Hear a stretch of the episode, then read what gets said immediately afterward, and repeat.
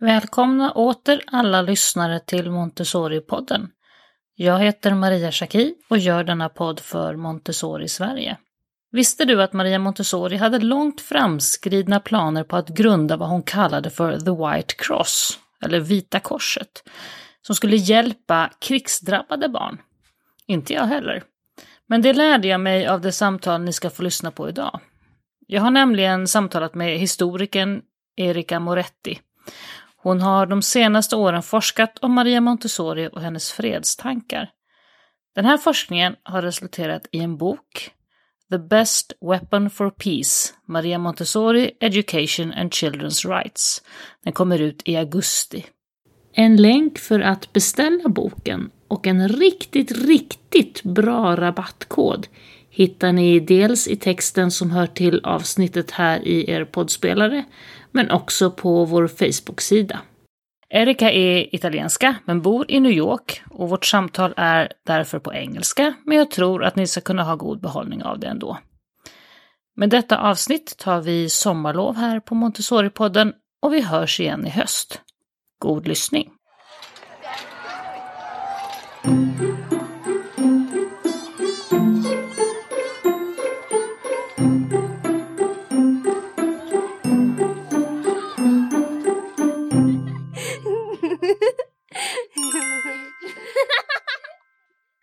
So, welcome to the podcast, Erica Moretti.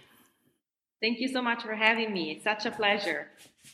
And and right now, normally this is interesting because this is a Swedish Montessori podcast, but I'm here living in Italy, and you are right now, I would say, one and a half hour away from me, right? Yes, I am. I'm in southern Tuscany, but I normally live in New York. So those are exceptional circumstances that we find each other in. Right. Um, and we will be talking about mainly your new book that is coming out this summer, just July, I think. Yes, it's coming out at the end of July with the University of Wisconsin Press. And the name is The Best Weapon for Peace Maria Montessori Education and Children's Rights. And I think what will be interesting for our listeners to understand is that you don't really come from Montessori. This is not really your field to start with. Tell us a little bit, what are your background? Yes, exactly. I am not a Montessori trained person, uh, but I've studied extensively the life of Maria Montessori. I'm an expert in uh, uh, European uh, uh history, uh, mainly 19th and 20th century European history, history of humanitarianism, and history of pacifism. So that's my background, and that's uh, how I've looked into the life of Maria Montessori. So you're a historian, mainly. That's your research field. Exactly. I'm a historian, yes. And how did you then come across and decide to research about Maria Montessori? Well, that's a really long story. Uh, I read a very interesting book by two Italian historians, Valeria Paola Babini and Luisa Lama. The book was on Maria Montessori's pacifism. And the idea was that at the time, the book came out in the early 2000s, was that Montessori was also an active uh, feminist. And uh, her engagement with the Italian feminist movement lasts from, uh, uh, they argue, uh, the university year, so 1895, 1896 to 1908. And I thought that the book was groundbreaking. I, I loved it. The only thing I know, I knew before reading that book about Maria Montessori was her face from the, you know, a thousand lira uh, bill, right. Italian currency nothing else. So I thought that this, you know, way of looking at this very famous historical figure that, you know, changed the perspective that we looked and, th- and thought about Maria Montessori was really interesting. But my research started years later. Um, it started when I was at the um, Apostolic Vatican Archive. At the time, it was called the Secret Vatican Archive. And I found a letter that Maria Montessori sent to Pope Benedict XV. Uh, what she wanted was to uh, open up a organization that would engage with uh, the rescue effort for children affected by war. Hmm. And uh, I don't know, I looked at that document and it's, uh, you know, it was very much beginner's luck because I, I just went my first day, you know, the first time that you go into a new archive, you have to get acquainted to you know to get to know the archivist who can help you out a little bit navigating the whole system and i you know i just opened the first uh, uh, catalog and i just found the letter and i was amazed you know mm. i hmm. knew very well at the time the secondary literature and nobody had mentioned that letter there were some scholars who were engaged with the idea of creating this or montessori wanted to create this organization for war affected children called the white cross but nothing that was you know supported by uh, strong primary sources not coming from Montessori herself. This was a letter to the Pope. So, and this was what year was this that she wrote this? Oh, the letter was, uh, I think, 1918, if I remember correctly. Mm. Uh, then I spent an extensive period of time at the Vatican archives, and I found uh, lots of other sources that have that have tremendously enriched my work. But I think that that's then and there that I decided to work on Montessori and pacifism to mm. really look at Montessori not as an educator, which of course it's you know it's how we know her, but as a pacifist and a humanitarianist. Uh, you know, something that it's not a side project for her uh, that lasts a few years in her life, but that sort of a, sort of as a line through her entire career. Mm. Mm. And what perspective in your book do you want to bring to the table? What is sort of new to all our to all us Montessorians in the world? What do we learn from this book? Uh, that's a really good question. Um, so the main idea is that Montessori was as much as a pacifist as she was an educator. And of course, this is a sort of a, I'm using this to sort of like uh, uh, excite the audience. But the idea is that Montessori, of course, was engaged in pedagogy and in reforming uh, the way we teach children. But the ultimate goal of her pedagogy, since the very beginning of her inquiry, has to do with uh, uh, propelling universal peace. So, if you look at Montessori's early writings, what she's engaging with is trying to create a, uh, an environment in which the child feels at peace. So hmm. think about, for example, the grace within the classroom, the fact that the student is engaged in activity that's help him find a balance and harmony with the environment. That has to do with creating a, um, a peace uh, within the child and what's around him or her right? And his relationship with his peers within the classroom. And if you look at, for example, the inaugural speech, the one that Maria Montessori gave during the inauguration of the first children's house, that also has to do with the fact that that harmony within the environment that the child learns within the classroom is something that he or she exports outside of the classroom to sort of like engage in this change in this project of societal renewal not only himself or herself but the family right so i'm thinking about this uh, uh, progression as something that moves in concentric circle first there's a change within the child that extends to his immediate surrounding. Then it expands onto the family. And ultimately, multiple families whose children are attending Montessori school could be able to change society at large. Hmm. So I don't argue that Montessori was an engaged um, uh, was engaged in humanitarian practices since you know the university years, but that you know every effort that she made throughout her life had this goal of uh, uh, ultimately creating a peaceful society, which can also help us reread her pedagogy and uh, and sort of also connect to the earlier projects that, that she was engaged with. And and the name, the title for the book, "Best Weapon for Peace." Why did you choose that? Oh, that's a citation from Montessori, uh, from 1930s lectures uh, uh, that are collected in the book Education and Peace. Um, I thought that it was a, you know, uh, an exciting and resonating title, and uh, and it also spoke to the fact that Montessori, um, while she highly engaged with uh, pacifists throughout her life, her jargon did not come as, to be as sophisticated as other pacifists. I mean, Montessori was, of course, a pedagogue, and in that, you know, she, uh, you know, she was also like her research focused on pedagogy and not on pacifism, but she was engaged in many humanitarian uh, acts and organizations. One of the things that I I got uh, your your book is coming out in July, but I got an advanced copy the other day, uh, which I've been glancing through a little bit, and and in the introduction you write, and I think this is interesting because we talk about Maria Montessori and pacifism and, and, and peace and all of this, and then you write that to understand the core of Montessori's thought, one has to take into account all of her contradictions. And then I thought about her not so well known and sometimes sort of we try to scroll fast forward when we come to this subject is her her her um, dealings with fascism and Mussolini in Italy. Uh, can you enlighten us a little bit more about that period? What happened? Well, I mean, first, let me explain the contradiction there. Yeah. Uh, I feel that there's a tendency to put Maria Montessori onto a pedestal and to forget that she was a woman and she was a person. Let's say that she was a person, just any of us. And mm. so when you're dealing with uh, her work extensively, you can see when you're dealing with her letters, you can, uh, you know, you can find some contradictions in terms of, you know, like being a person who worked throughout her entire life on education and freedom and education to freedom. And, you know, when dealing with some of her disciples, Montessori can come out as controlling. And so those are the contradictions, like generally, that we must face as people who are appreciative of Montessori's work with children, but also, you know, need to see her as a real person and not as somebody to put on a pedestal. Mm. Um, Throughout the 1920s and the early 1930s, Montessori uh, took benefited from the support of the fascist regime.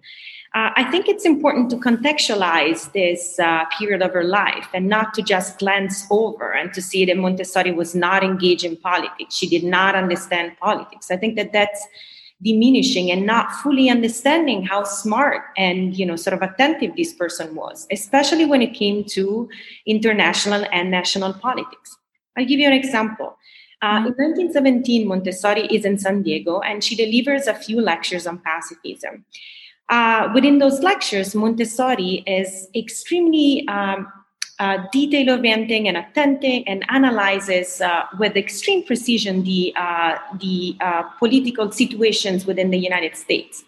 The lectures are delivered between February and March of 1917. So those are the weeks in which the uh, US government is deciding whether to enter World War I or not. It's an extremely tense moment. And Montessori examines the political situation with uh, with you know with uh, professionalism and with uh, with showing the capacity to be able to be speaking about politics. So how does that work? Like how can she be so knowledgeable and so attentive of the international political situation in 1917 and then you know leaving italy for an extensive period of time and not realizing what was occurring. Hmm. so I think that Montessori wanted to go back in Italy. Uh, there's a beautiful letter in 1927 that she writes in which she says, This is a methodology that was created in Rome. I want to go back to Rome. I want to I want to bring the students who are going to be learning about the Montessori method, the teacher students, to the place where it all began.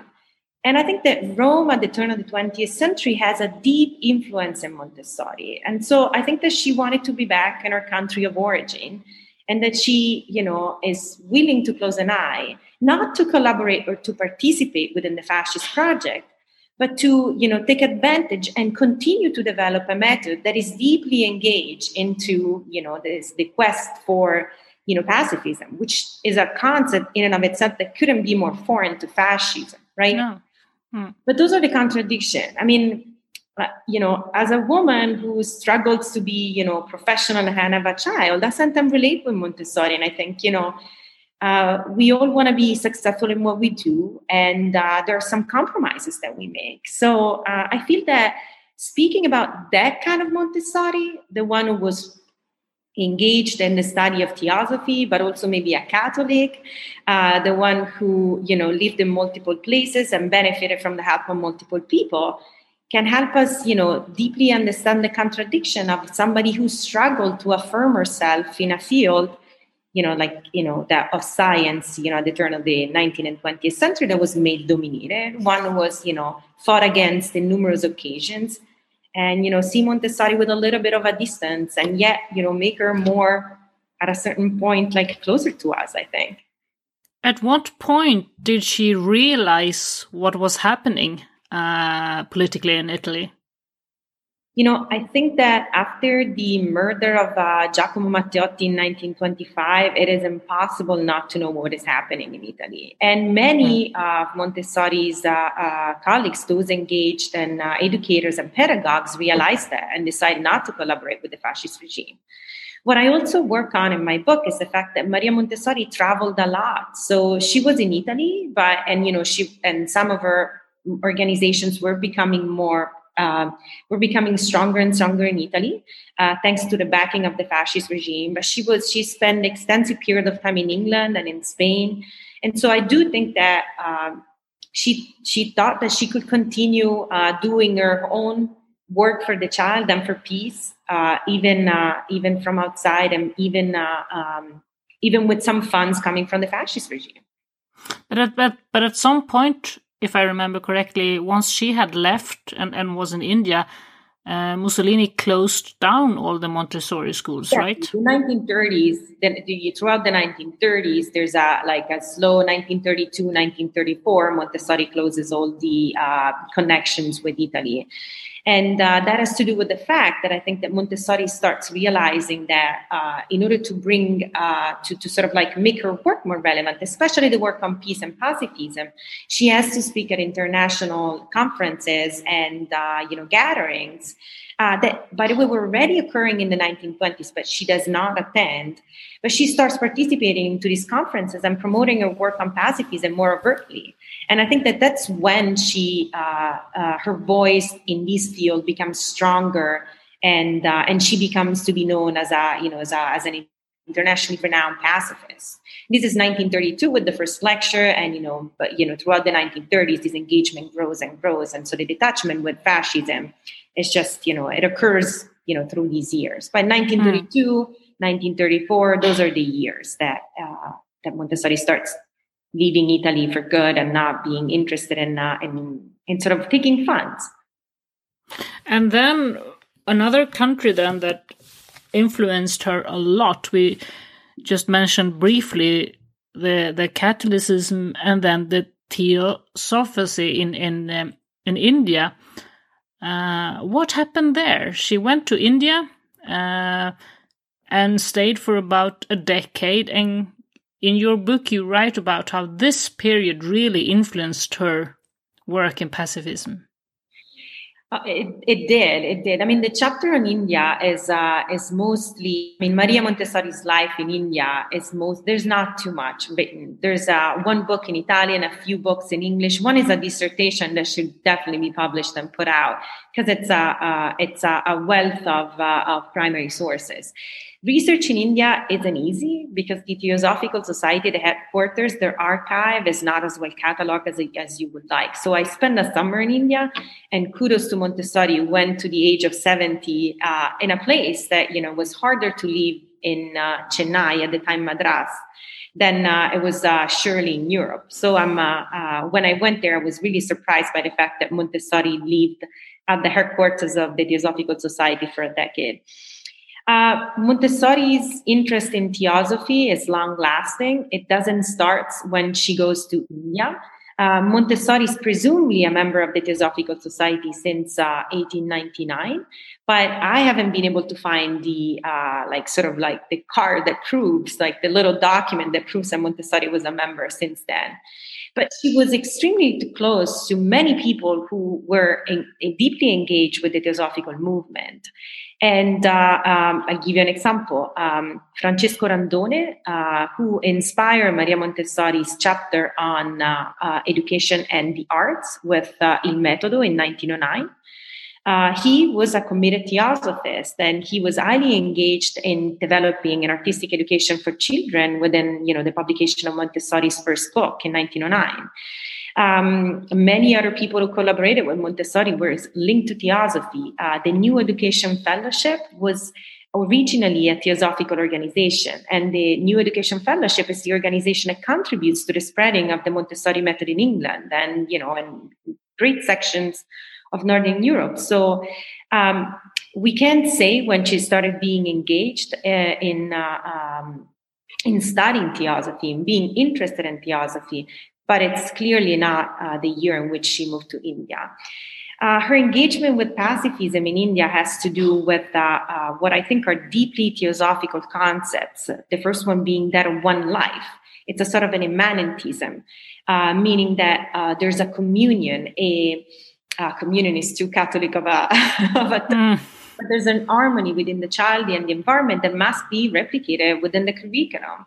And as we know, uh, the uh, sort of like systematization, the organization of Montessori's work on cosmic education comes from those years. And, you know, of course, thanks to the help of her son, but her stay in India allows her to, um, to sort of, I think, go back to what were the principles of her pedagogy and to think into a larger frame that in this case will extend to thinking about eco-pedagogy. I mean, now we talk mm. now about eco-pedagogy, but I mean, that's what cosmic education is. Sure.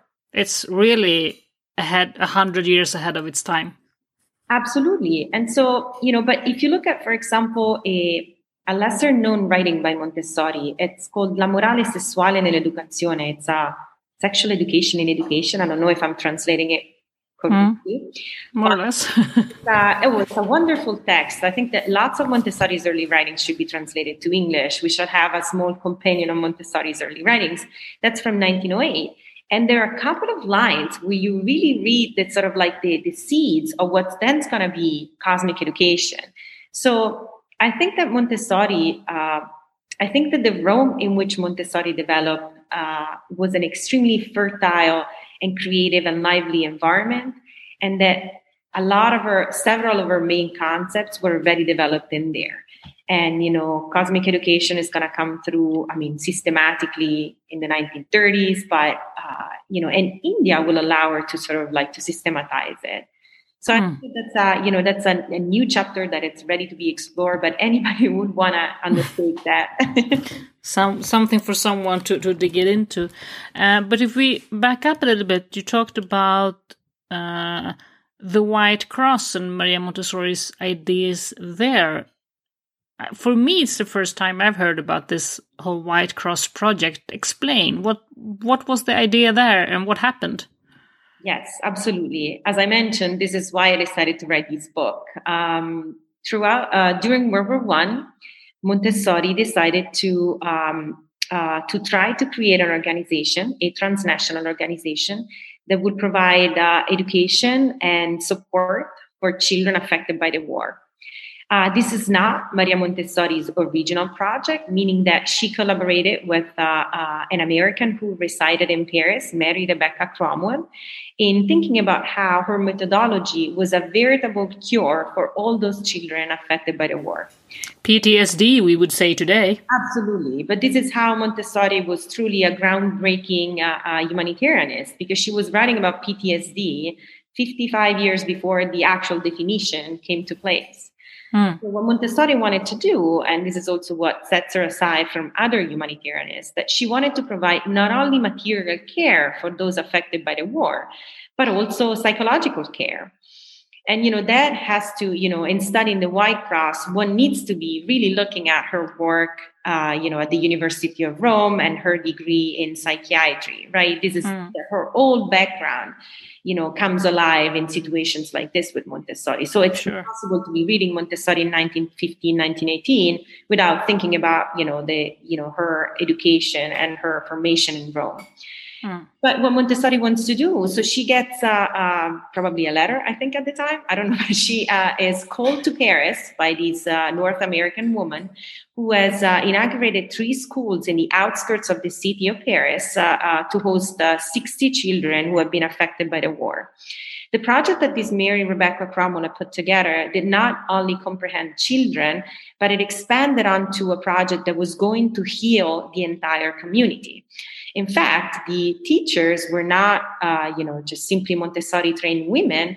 They were the widows of the uh, Battle of Verdun, one of the battles that had, you know, caused many deaths and, you know, many, many men had died. And so the widows were trained to be the teacher for these children.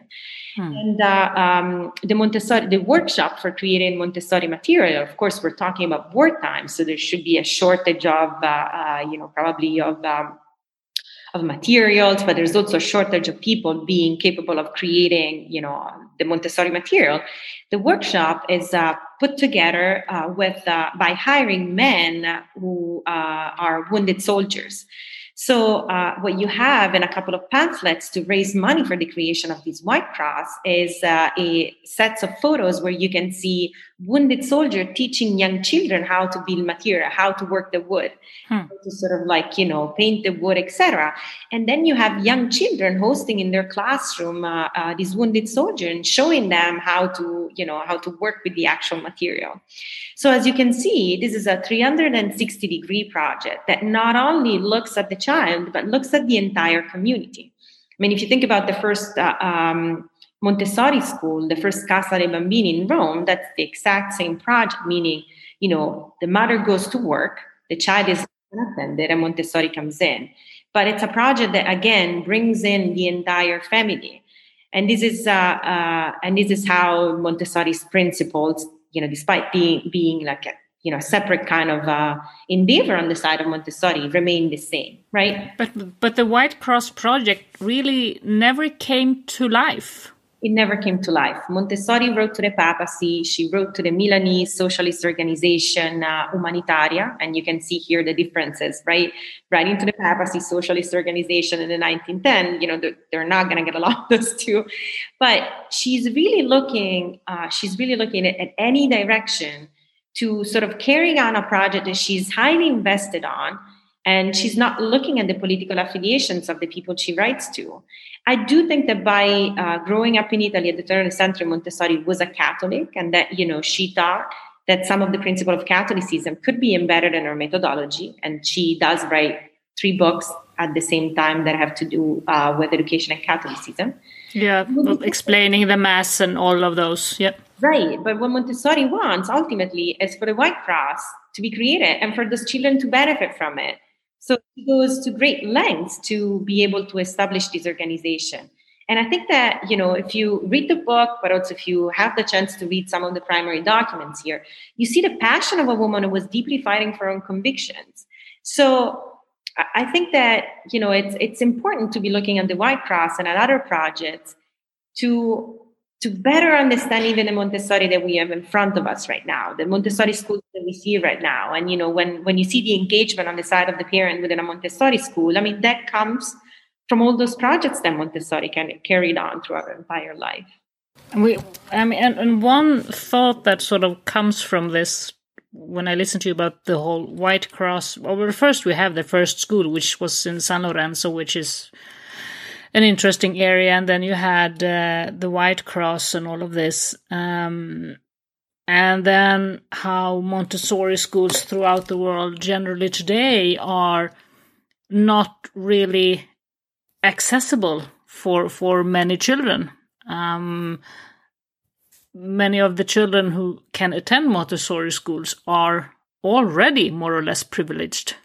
Oh, absolutely. I've been working extensively on this topic. It's uh, I live in New York City, and I cannot afford to send my daughter to a Montessori school. So it's uh, you know, it's uh, it's some something that it's very dear to me. And uh, you know, but when I think about Montessori, I don't think about those privileged situations. I look at projects such as those carried out by Educateurs Sans Frontières, mm. uh, and uh, you know, they have incredible projects that I think they go straight to the core of what it means to uh, be working the way Maria Montessori worked throughout her life. And mm-hmm. uh, it, you know, they usually say that Educateur Sans Frontières, Sans Frontières goes back to the, the, you know, the original principles of Montessori and to San Lorenzo. But what I'm trying to explain to my book is that that sort of education for the disadvantaged, it's not something that Montessori was engaged on at the beginning of her career, but it's something that she carried on throughout her entire life.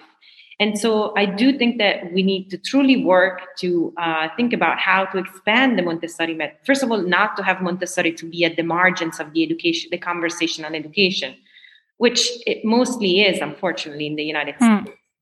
But to bring her back to the center and to see whether you know we can uh, we can expand the uh, implementation of Montessori schools within public systems a little explanation for, for our listener the Educateurs Sans Frontières project, ESF, is run by AMI, Association Montessori International, since many years, I think, as a sort of Back to the Roots project. That's where it comes from. Hmm. Educateur Sans Frontières was a project by Renilde Montessori, if I remember correctly. It I think so, yeah. Established by her. But again, going back to the roots, I think it, it is really, I think it's better phrased as going back to the core. Mm. And, uh, and, because the roots, it's, uh, it, it, seems like she stops being engaged with that, but um, she does not. And uh, uh, when I read these passages in your book about the White Cross and working with war affected children, I thought about, well, ESF project, of course, but also other things that I have come across, like uh, this big organization, SOS Children Villages, who seem to have most of their school and edu- educational system within their organization for orphan children being Montessori based. So I think uh, it, it has at some point, some organizations have picked this up that it really is a healing method in many ways. That's true. And uh, I, again, I'm not a Montessori trained person, nor I am somebody who has worked on pedagogy per se. Uh, what I read in historical documents that work with children who were affected by trauma was repetition. Uh, mm. And uh, the fact that the material was uh, um, was stimulating. So those those were the key that uh, Mary, Mary, Cromwell and Montessori discussed with uh, at the time during World War One. Uh, repetition, according to Cromwell, was soothing to the mind of the child. Mm. It was a calming uh, and reassuring uh, uh, activity that helped them calm down and bring them back and ground them to something physical. And then, you know, from there, the healing started. But I think what's probably you know to be suggested at this point it's a scientific study on the on the impact of the Montessori material on children affected by trauma. And sure. I'm really hoping that you know somebody wants to undertake this project because it will really be instrumental into thinking you know how do we implement, for example, Montessori in refugee camps in more mm-hmm. affected areas.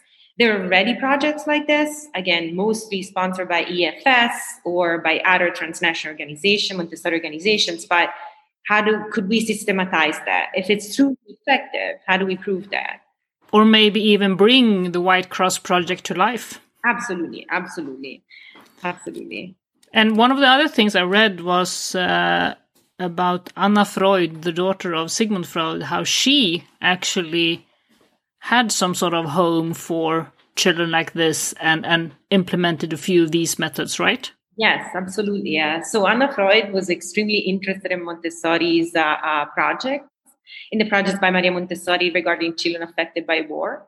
Uh, when she inaugurated a um, nursery in the outskirts of the city of London, we're talking about World War II, the end of World War II now. Uh, she implemented, uh, she utilized the Montessori method to uh, sort of to educate and instruct the children who were resident there. Now, the healing side, meaning the psychological work on children, was not done utilizing anything specific to the Montessori method. It was uh, psychoanalysis, and you know that's uh, you know a big you know a big divide between Montessori and that section of Anna Freud's work. But you know it was still conceived as the most suitable method to help these children heal on a practical level. So I think that's another tassel that we need to be looking at into thinking, you know, how, how was that utilized what activities worked and you know how can we continue sort of like developing that segment for thinking about healing of children the healing of children mm. affected by trauma and another thing that i wasn't really aware of until i, I read your book now is that apparently many of, of the key principles of montessori educations have uh, influenced and uh, greatly the uh, Declaration of the Rights of the Child that the United Nations came up with in 59. How much do we know about this influence? See, that's a great question. And it, it goes back to the idea of putting Montessori into, into a pedestal. I think that the literature on Maria Montessori has been, uh, uh, you know, trying to contextualize Montessori as one great woman you know, as one of the many great women who made history. And I think that that's an incredibly productive way of being of looking at Montessori. And she surely was a great woman who contributed sure. to human history. But it has been detrimental into understanding the profound connections that this woman was able to establish throughout her life. Um, Montessori did not come up with the method into a vacuum. She was extremely connected to uh, feminist organizations, to psychiatrists, to psychologists, and you know that's how the method came about. That doesn't mean that she was less of a genius. Uh, you know what I'm saying? That doesn't mm-hmm. mean that you know, that doesn't subtract from the original. She's the one who connected the dots. Absolutely, but so you know, reconstructing as I do throughout my book the uh, the net, the web of connections to which she was, you know, you know, in which she was. Uh, this intricate web of you know uh, scholars who were thinking about the child is what you know it's it's what not new i mean my book it inserts itself into like a series of books that deal with montessori that way which i think it's much more interesting so Montessori was instrumental in the drafting of several declarations of like several laws that you know further the rights of children. In that she was completely immersed into this web of you know uh, scholars, intellectuals who discussed that. Um, I mentioned before the Constitution of the White Cross. I mean, Montessori was alone in thinking about sort of like the mental care or the psychological care of children but there were a myriad of organizations that were invested in the material care of children. And Montessori surely know many of these women, and she was in touch with them. So what we need to be doing at this point, and what I, you know, I'm hoping to contribute to, is to be thinking about Montessori as a woman who was deeply entangled into this web. And you know, she she can retreat for a while. When she goes to India, she connects with other intellectuals in uh, in Southeast Asia, but we cannot think of her as separate and you know when uh, when you have to sort of like assert yourself or as an organ as you know multiple montessori organizations have to assert the work of montessori i think it's only natural that you you want to describe montessori as you know this special person and she surely was but one cannot work in isolation and montessori surely did not do that. Um, when it comes to uh, furthering children's rights, uh, Montessori's well known uh, contribution to the um, uh, social party of the child, it's the first one that comes to mind. I mean, Montessori advocates for the active participation of children into the political process. Uh, and, you know, no law could be approved that has to do with children without a real representation within the political body of somebody who is, you know, a minor to say the least, but a child himself. So throughout the 1930s, she advocated for the creation of the social party of the child and a ministry of the child to further the rights of these, you know, um, forget what she calls it, probably, you know, the most important part of humanity. Hmm. So I think that, you know, that side of her life is uh, uh, known in relationship to the book, the very famous book, Education and Peace, but not, there's not much more that comes to light. I think it's time that we really look at that Montessori. And you write also about the reason, probably why the nominations, the three nominations for the Nobel Peace Prize, wasn't really successful because the nom- the, the nomination letters didn't take all of this into account. Yeah. It focused more on the method than her whole uh, pacifism, right? Right, right. I think that you know the the nominations were done. Um, I mean, the, there are three nominations: uh, 49, 50, and 51 and I do think that they focus on the 1930s. Uh, mm. I mentioned in the book there are a couple of letters that are heartbreaking, I have to say, uh, because they're like really heartfelt. Uh, so from Maccheroni, Maccheroni, one of them, yeah. Maccheroni, one of them, and the other one is from a group of children who attended one of the first Montessori schools at Umanitaria in Milan in 1910, I think.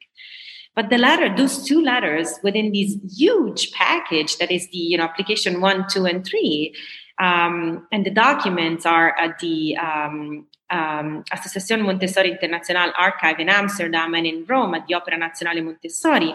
So those huge packages, uh, you know, have to do mainly with Montessori in the 1930s.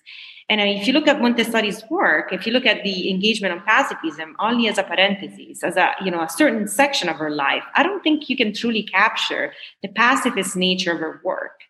While Anna Maria Maccheroni's letter and this group of children's letter really captured the extensive, you know, sort of engagement with pacifism. And, uh, you know, I also mentioned the fact that Montessori was an Italian and, you know, Italy had just lost World War II. So probably the Nobel Peace Prize Committee didn't want to give the prize to a hmm. woman. Mm. only two women before Montessori won the Nobel, the Nobel Peace Prize. They didn't want to probably give the, the, the prize to somebody who was Italian. So there are many reasons, but I think that, you know, with the, in Italian, you would say, with the with the hindsight, with the you know having already you know 60 years later, you could say that probably the application would have been considerably stronger if they had mm. taken into account this vast body of uh, of, uh, of, works that she had already um, that she had written on peace throughout her life. What future research do you think would be interesting from your perspective? what do you what, what would you like to see your fellow researchers to dig into more? Oh, that's a great question. Uh, because when it comes to me, I need a break. Montessori is larger than life. I uh, I think I, I, need to take a couple of years without Montessori and then return to her. uh, I think there's not that much on um, um, on the Austrian disciples, especially Lili Roubiczek. I would like to see more. But um, I worked extensively on Montessori, for example, and uh, uh, modern art and design movements in Italy at the beginning of the 20th century. That also mm-hmm. has to do with peace, surprisingly.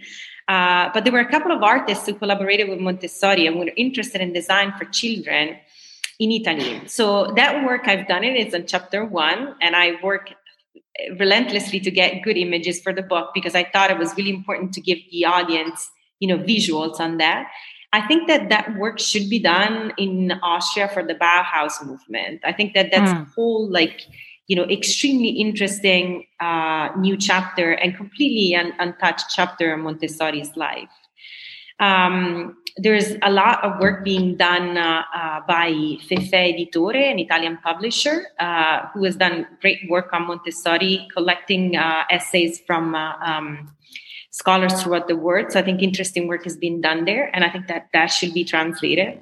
I think the English, the Anglophone word would would would love the you know the work on Montessori in the kitchen. There's a book called Montessori in the kitchen with like historical essays on Montessori and nutrition and food studies. Mm-hmm. So uh, Montessori in the garden because it's a way of uh, of having the audience think the audience think about Montessori in a modern and novel way. Like, why do we care about children being engaged in the kitchen? Montessori was thinking about that at the beginning of the 20th century. How can we make it modern and contemporary something that resonates with us? I mean, books like those are the ones that probably we would enjoy reading, uh, you know, globally. I think, and so I'm I'm really hoping that those books get translated we talked about this a little bit before, but but maybe uh, again, what's your opinion on why? Because I feel that uh, I've been taught uh, throughout my Montessori training, etc., that we shouldn't talk too much about Maria Montessori herself as a person because she herself did not like that. She wanted to have something like, well, don't look at me, look at the children. So she wasn't too fond on being discussed as some sort of figure or cult person or whatever.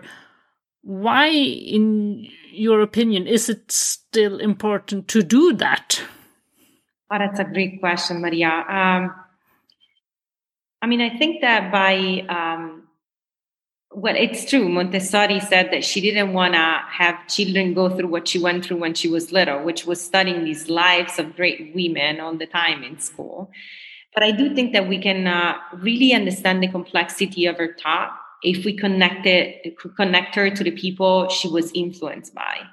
I'm thinking about, for example, like how did the Montessori method become relevant in the United States, right? This is a, a, fundamental question. Lately, I've been reading several essays on this.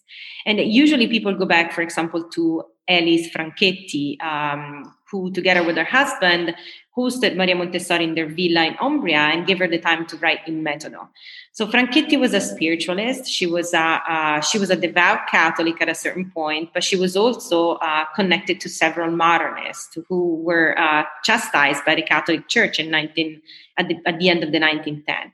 So reflecting on Montessori's relationship with Franchetti, I think helps us understand where Montessori's, you know, interest in theosophy, spiritualism, and Catholicism, where it came from.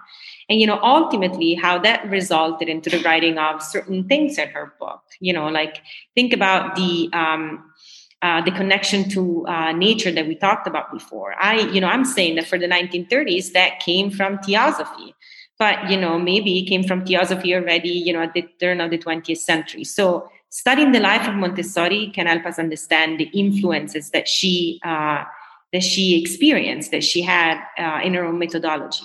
What we ultimately care are her writings. So to me, whether, for example, she was a Catholic or a or a or a theosophist is not as important as you know to see the reflections of those currents onto her own work.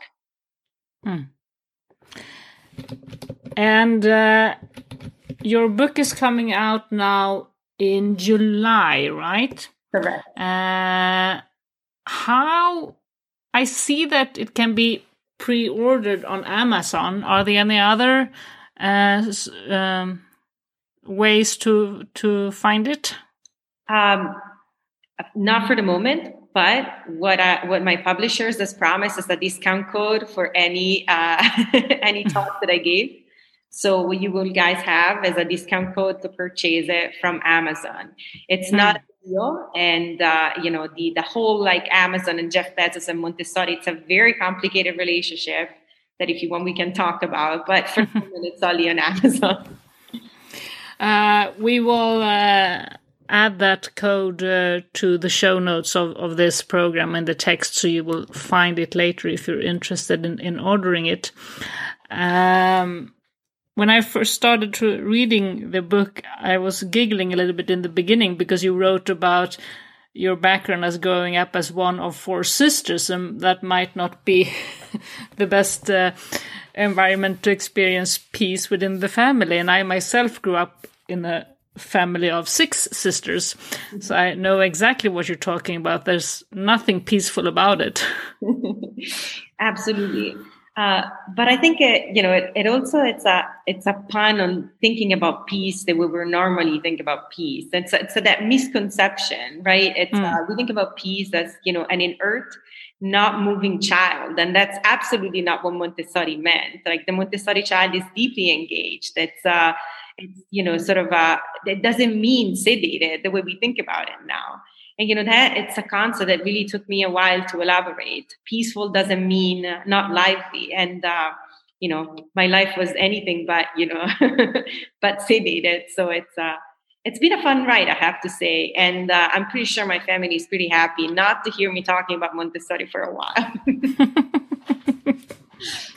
and why do you think this with Montessori? And the idea about her pacifism education is so important today more than 100 years later. Actually, we celebrated the 150 year celebration last year. Right. Uh, why is it so important today? Well, what can we learn?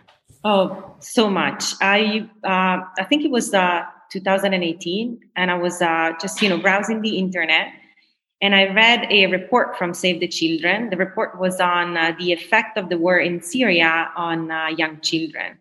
And I remember reading this uh, report and thinking that, you know, it, it, could have been written by Montessori. And I actually started comparing the vocabulary utilized, you know, by Save the Children in 1917 and by Montessori in 1917, exactly 100 years later. Hmm. So the main idea there was, you know, Montessori did not have an MRI to detect the mental lesion that these children have because they're exposed to what we know now it's called toxic stress. So the exposure to uh, tremendous pressure and distress for an extensive period of time can actually create lesion in the mental cortex of many children. The Save the Children, the Save the Children was at the time requesting funds to open more, uh, you know, sort of like educational centers in refugee camps.